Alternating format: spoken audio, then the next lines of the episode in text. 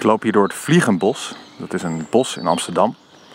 Niet heel groot, maar toch ook wel bijzonder. Het is namelijk een van de grootste iepenbossen van West-Europa. Maar er is er iets aan de hand. Ik zie hier een uh, wegversperring staan. Ik kan het pad niet in. Daar staat op, pas op, vallend hout. En daarachter staat een grote gele machine. Een houtversnipperaar. Met daarop de tekst, iedere dag een snipperdag. Wat ik best komisch vind. Maar uh, er is hier iets aan de hand wat minder vrolijk is. Er worden namelijk heel veel bomen gekapt vanwege een iepenziekte. Er zijn heel veel bomen ziek.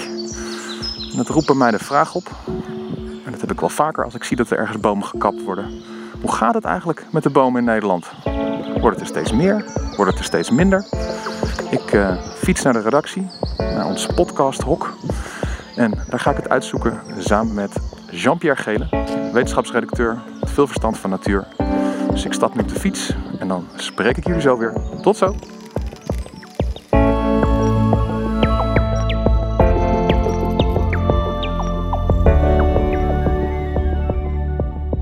Uh, Jean-Pierre, ik, ik, liep daar dus net in dat bos bij die Ipenziekte. En die schijnt veroorzaakt te worden door, ik hoop dat ik het woord goed uitspreek, Ipenspintkever.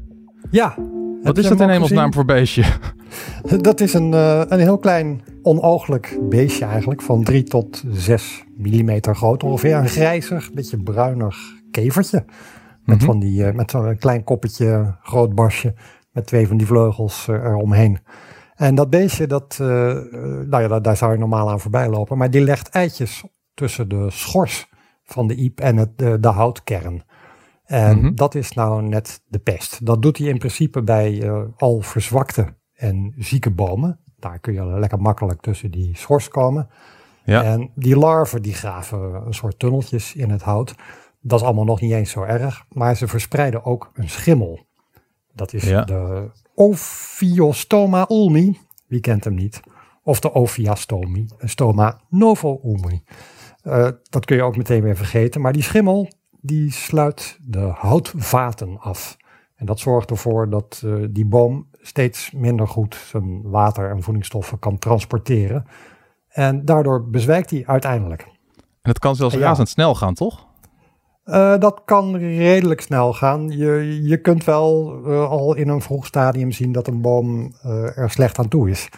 En dan weet je als deskundige eigenlijk al dat je snel moet ingrijpen. Want dat is eigenlijk nog veel belangrijker.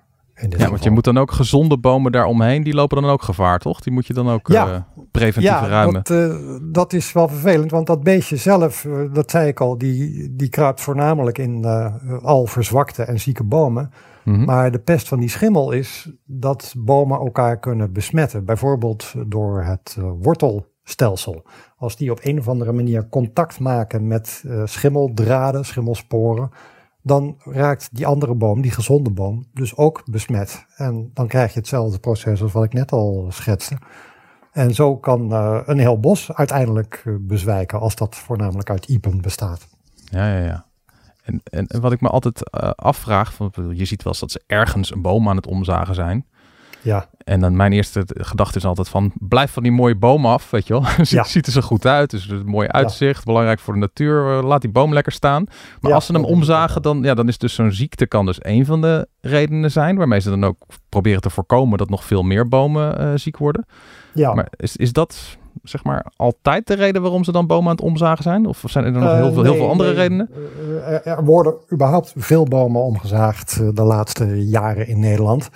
Uh, daar zitten verschillende redenen bij. Als het bij jou in een woonwijk is, uh, dan is de kans heel goed aanwezig dat het om één enkele boom gaat die ziek is en waar takken vanaf dreigen te vallen, uh, die om kunnen waaien bij hardere stormen, die we de laatste jaren ook steeds meer hebben. En mhm. dus een potentieel gevaar opleveren voor de burger. En ik zelf denk stiekem dat die gevaren vaak best een beetje meevallen, maar Bestuurders zien bomen als uh, een soort bermbommen.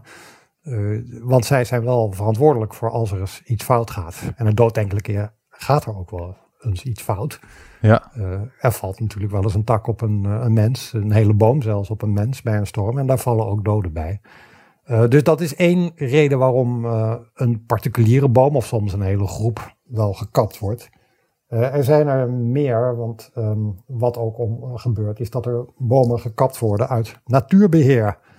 Want in het kader van de bevordering van de biodiversiteit is het soms ook nodig dat een, een hele vlakte gekapt wordt om ruimte te bieden aan bijvoorbeeld heide, waar weer andere diersoorten en plantensoorten gedijen dan mhm. alleen in bos. Ik heb me wel eens laten vertellen door biologen dat bos eigenlijk best een, een biologisch gezien een saai gebied is, als het gaat bijvoorbeeld om biodiversiteit.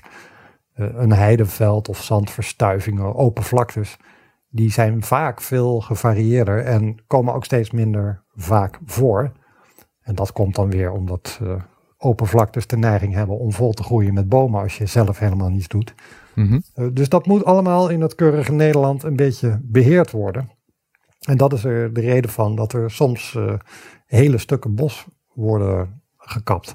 En daarnaast heb je ook nog een aantal boomsoorten die de afgelopen jaren met ziektes te kampen hadden.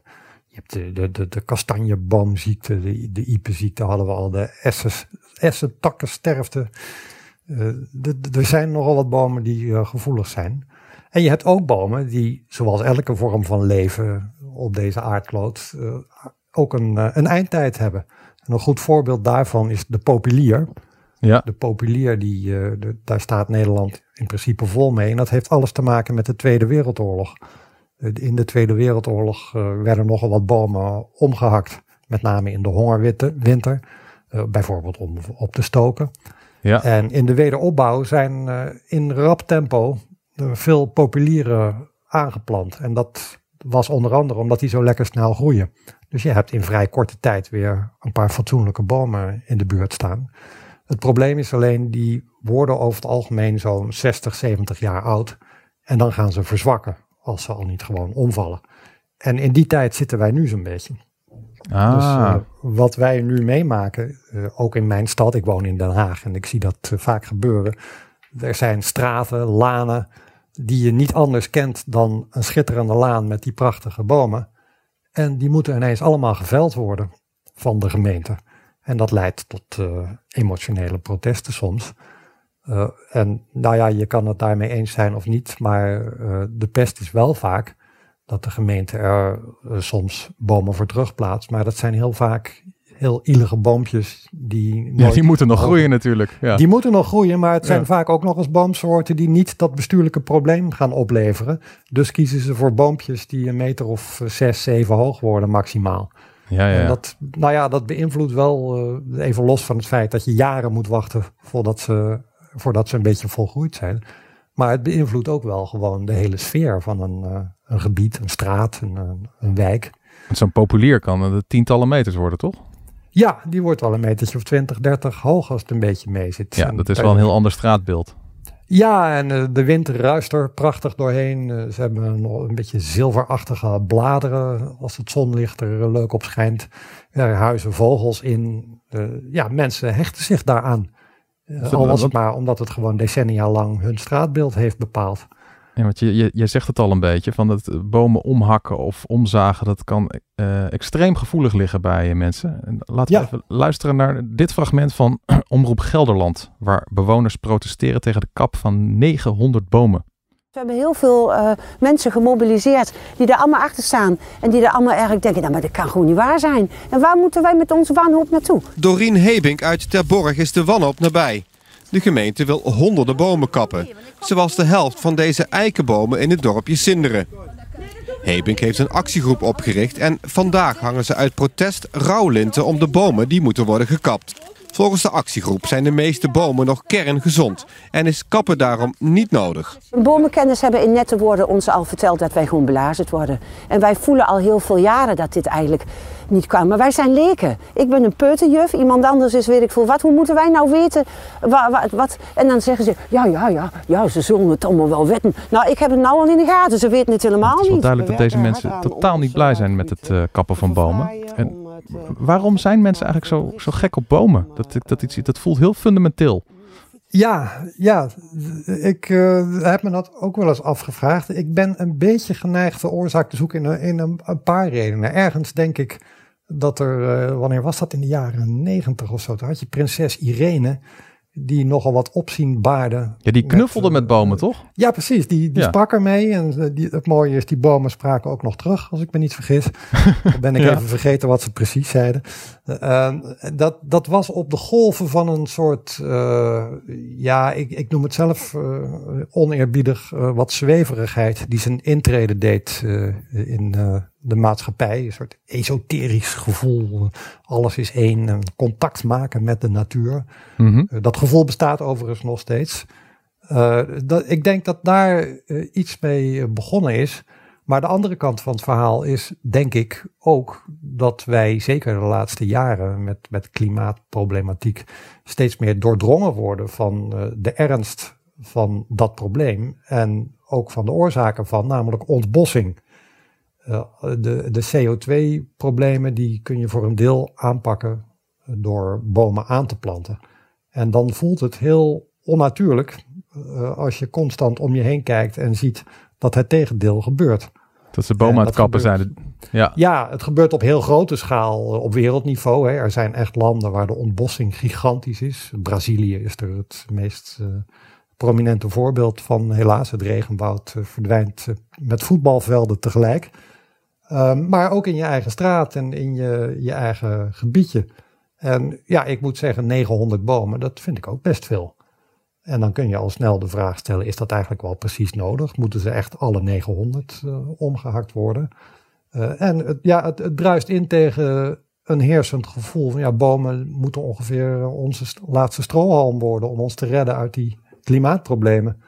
En dan zitten we ze hier om te hakken, ja. Ja, dat, dat, ik denk dat het daar mee te maken heeft. Nog even los van het feit dat, uh, dat je ook gewoon prachtige monumentale bomen hebt die meer hebben meegemaakt in hun leven dan jij. Want ze zijn soms drie, vierhonderd jaar oud. En dat besef is natuurlijk wel een, een, eh, een, een, mooi wonderlijk besef. Dat je tegenover een, een levend wezen staat dat de Eerste Wereldoorlog heeft meegemaakt. En dat overleefd heeft ook. Ik was ook ooit bij een, uh, bij een kenniscafé. Dat is de, de, wetenschappelijke talkshow van uh, onder meer de Volkskrant. En eh, daar zaten allemaal boomexperts in het panel. En daar zat er ook eentje die had dan allemaal onderzoeken gedaan naar ja, wat groen en bomen qua geluksgevoel doen met mensen. Dat bleek toch ook echt wel heel veel uit te maken of jij de hele dag omringd wordt door beton of door groen. Ja, en, uh, de kantoortuin is niet, niet echt een alternatief. nee, en het is, maar je, je, voelt het intuïtief natuurlijk ook gewoon aan. Zo van ja, dat, ja. Doet iets met mensen. En uh, ook, van, ook van die hele basisdingen van als het regent, dan kan je eronder schuilen. Als het bloed heet is, dan is het onder zo'n boom echt tien keer aangenamer dan in een open veld. En, ja. Uh, ja. ja, bomen vertolken ook echt een, een functie. Hè. De, wat jij nu zegt heeft alleen al te maken met, met schaduw geven in veel te hete steden of schaduw geven aan, aan koeien voor zover die nog buiten op het land staan wanneer de, de zon schijnt. Uh, dat moet je niet onderschatten. En er is uh, al lang onder psychologen bekend dat groen in het algemeen en dus ook bomen uh, een, een soort ja, geluksgevoel kunnen aanmaken. In elk geval een soort geruststellend, een soort kalmerend effect hebben op mensen die. en, en prinses Irene wist dat al, Jean-Pierre? Ja. Al lang voordat wetenschappers het wisten, wist prinses Irene het al. Ja, nee, dat is een, uh, mooi gegeven. Ja. Je gaat je bijna afvragen welke psychische problemen ze allemaal had om daarachter te komen. Maar dat is flauw natuurlijk. het, het, je hebt nu eh, die Duitse boswachter uh, Peter Wohleben. Die heeft een aantal bestsellers geschreven. het geheim van bomen is een van de titels. Het geheime leven van bomen, moet ik zeggen.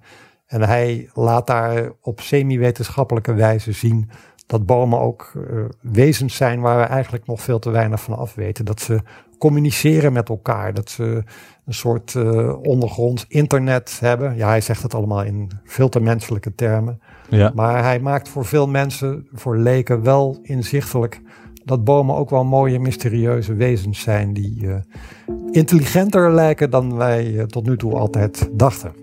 Ja. En of dat nou waar is of niet, dat gevoel, die gedachte, die spreekt wel heel veel mensen aan.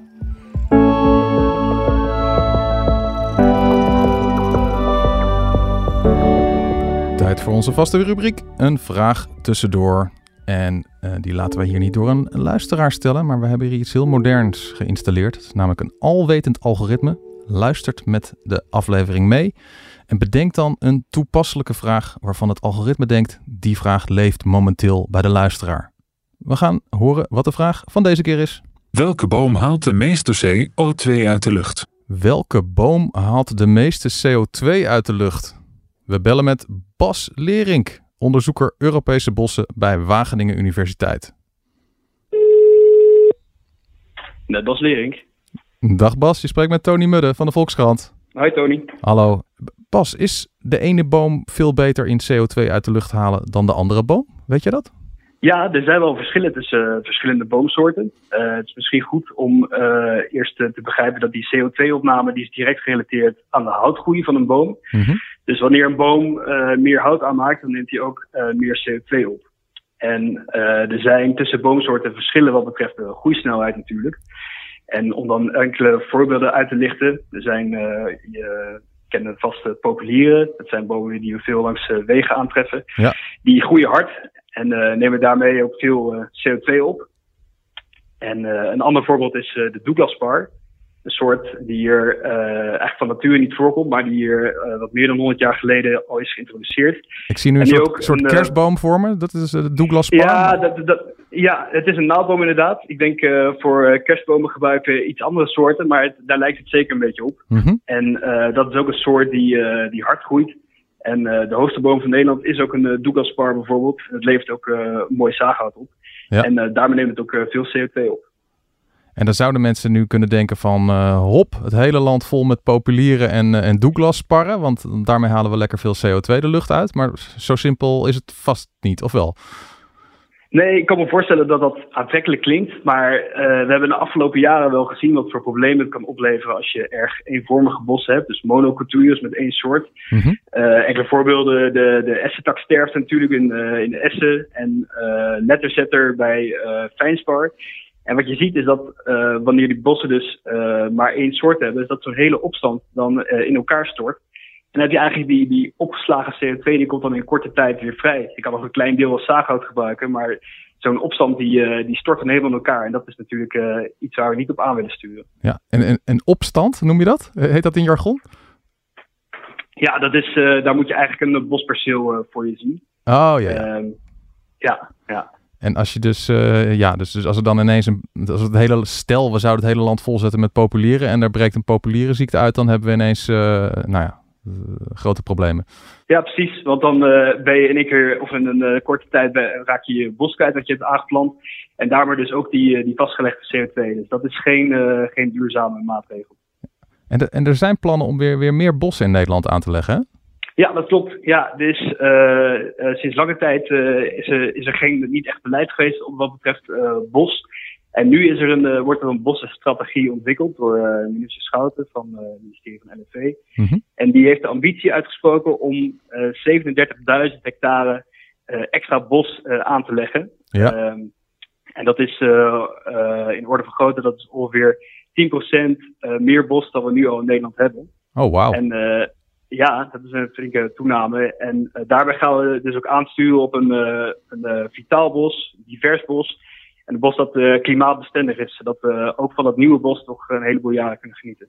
Dus die hele mix aan eigenschappen moet dat nieuwe boslandschap hebben? Ja, precies. Niet alleen CO2-vastlegging, maar ook natuurwaarde en uh, recreatie, waterberging. Uh, allemaal van dat soort eigenschappen die moeten in dat nieuwe bos ook terugkomen. Klinkt goed. Ik verheug me nu al op die nieuwe boswandelingen. Ja, ik ook. Oké. Okay. Hartelijk dank. Graag gedaan.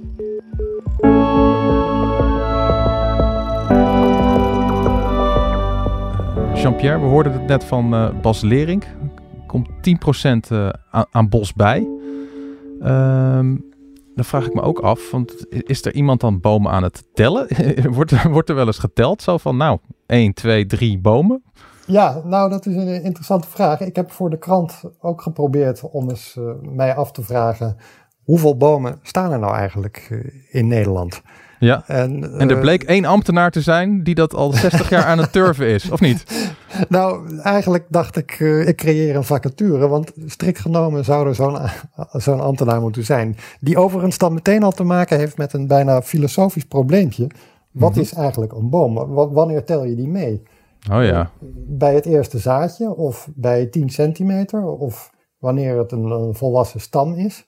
Dat is al, ja, dat is al lastig tellen. Nog even los van de vraag hoe je dat eh, technisch zou moeten doen. Maar de wetenschap zou de wetenschap niet zijn als ze toch met uh, instrumenten zijn gekomen. En één ervan is een, uh, een Amerikaanse universiteit, de Yale University. Die heeft in 2015 geprobeerd in kaart te brengen hoeveel bomen er op de hele wereld staan. Ja, dat is ambitieus. ja. Uh, ja, absoluut. Dat deden ze met satellietbeelden en uh, algoritmes. Uh, ze kwam een prachtig getal uit dat ik even van een papiertje moet vo voorlezen. Het mhm. gaat namelijk om 3 biljoen 40 miljard 288 miljoen 194.283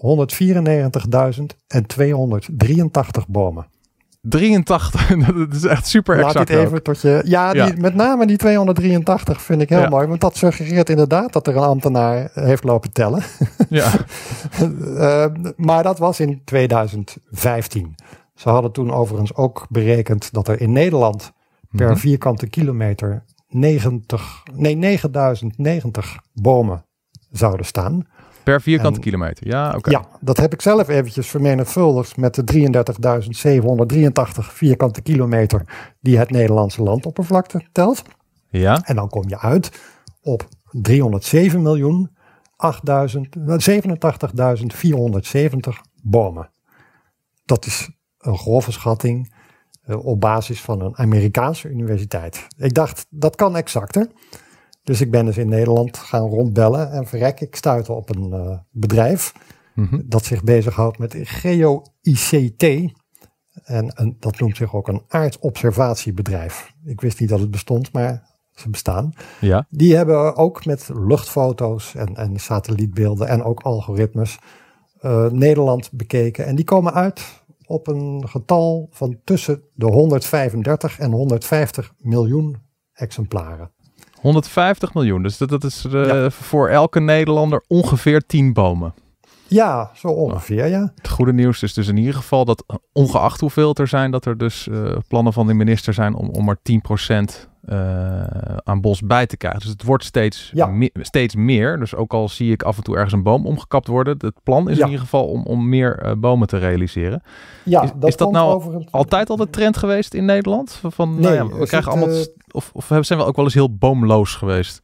Uh, nou, heel boomloos niet hoor. Um, het ligt er ook een beetje aan vanaf wanneer je begint te kijken natuurlijk. Want uh, in de prehistorie was uh, Nederland, voor zover het bestond, veel meer bos en wilde natuur natuurlijk. sinds de middeleeuwen, dat weet ik wel, is het bosareaal sterk afgenomen. Mm -hmm. Dat heb ik overigens uit een kamerbrief die Carola Schouten vorig jaar heeft verstuurd. Ja. Dus ik neem aan dat dit ook eh, de echte feiten zijn. En uh, vanaf ongeveer het midden van de 18e eeuw nam het bosoppervlak in Nederland weer uh, gestaag toe. Ja. Tot uh, een jaar of 30 geleden. Toen bedroeg het aantal hectare bos. Dat zegt dus niks over het aantal bomen, maar goed. dat bedroeg toen 360.000 hectare. En dat liep op tot 2013 naar 375.000 hectare. Het vervelende is alleen dat de laatste jaren nam dat oppervlakte weer af tot 370.000 hectare. Uh, dat heeft alles te maken met woningbouw en uh, de laatste tijd ook met kappen voor nou, natuurbeheer. en de klimaatproblematiek, de CO2-discussie, heeft ervoor gezorgd dat de nieuwe ambitie is dat er dus weer boom bij moet. Bos bij moet eigenlijk. En tegelijkertijd moeten er ook allemaal woningen bij. En uh, dus het wordt, wordt, nog spannend. Dat wordt zeker spannend, ja. Maar uh, ik, ik, las toevallig uh, vandaag, het is nu donderdag, nu wij elkaar spreken, dat er een ambitieus plan is van onder andere de Nationale Boomfeestdag en Urgenda. Mm -hmm. Om bomen, boomzaadjes, of kleine boompjes uit te delen aan iedereen die er maar kwijt kan. En zo hopen ze tot de aanplant van een miljoen bomen te komen. Een miljoen nou, bomen? Ja. ja, en je kunt ook als je een achtertuin hebt of een voortuin, zeggen van daar ga ik een, een boom plaatsen. Als heel veel mensen dat doen, heb je gezamenlijk ook natuurlijk weer heel wat bomen erbij. Het hoeft niet allemaal in een bos te staan, bedoel ik maar. Nee, dat is waar. Misschien moeten we daarmee afsluiten, Jean-Pierre. Wij, wij, gaan allebei zo'n zaadje ergens uh, te pakken zien te krijgen. En dan gaan wij samen een, een, boompje planten. En daar dan elk jaar naar terugkeren. En dan op een gegeven moment als oude, wijze, nostalgische mannen naar een boom van een meter of tien kijken en zeggen: Dat hebben wij ooit hier neergezet. Dat lijkt me heel aantrekkelijk. Ik zal je helpen herinneren, Tony. Is goed. Dankjewel, Jean-Pierre Gele.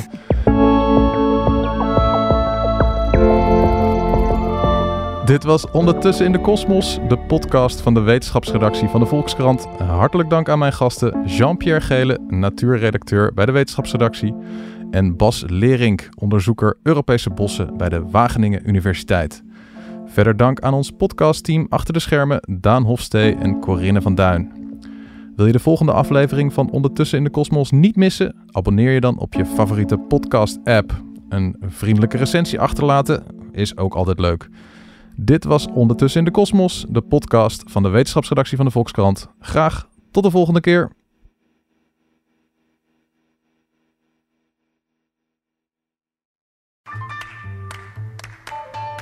Ik lees de Volkskrant omdat kennis van zaken hebben mij geruststeld. En ik mij daardoor sterker in mijn schoenen voel staan. Eigenlijk zou iedereen de Volkskrant moeten lezen. Gun jezelf ook de Volkskrant. Ga meteen naar volkskrant.nl slash nu. En lees de krant tot wel acht weken voor maar 4 euro. Stopt vanzelf volgens de actievoorwaarden.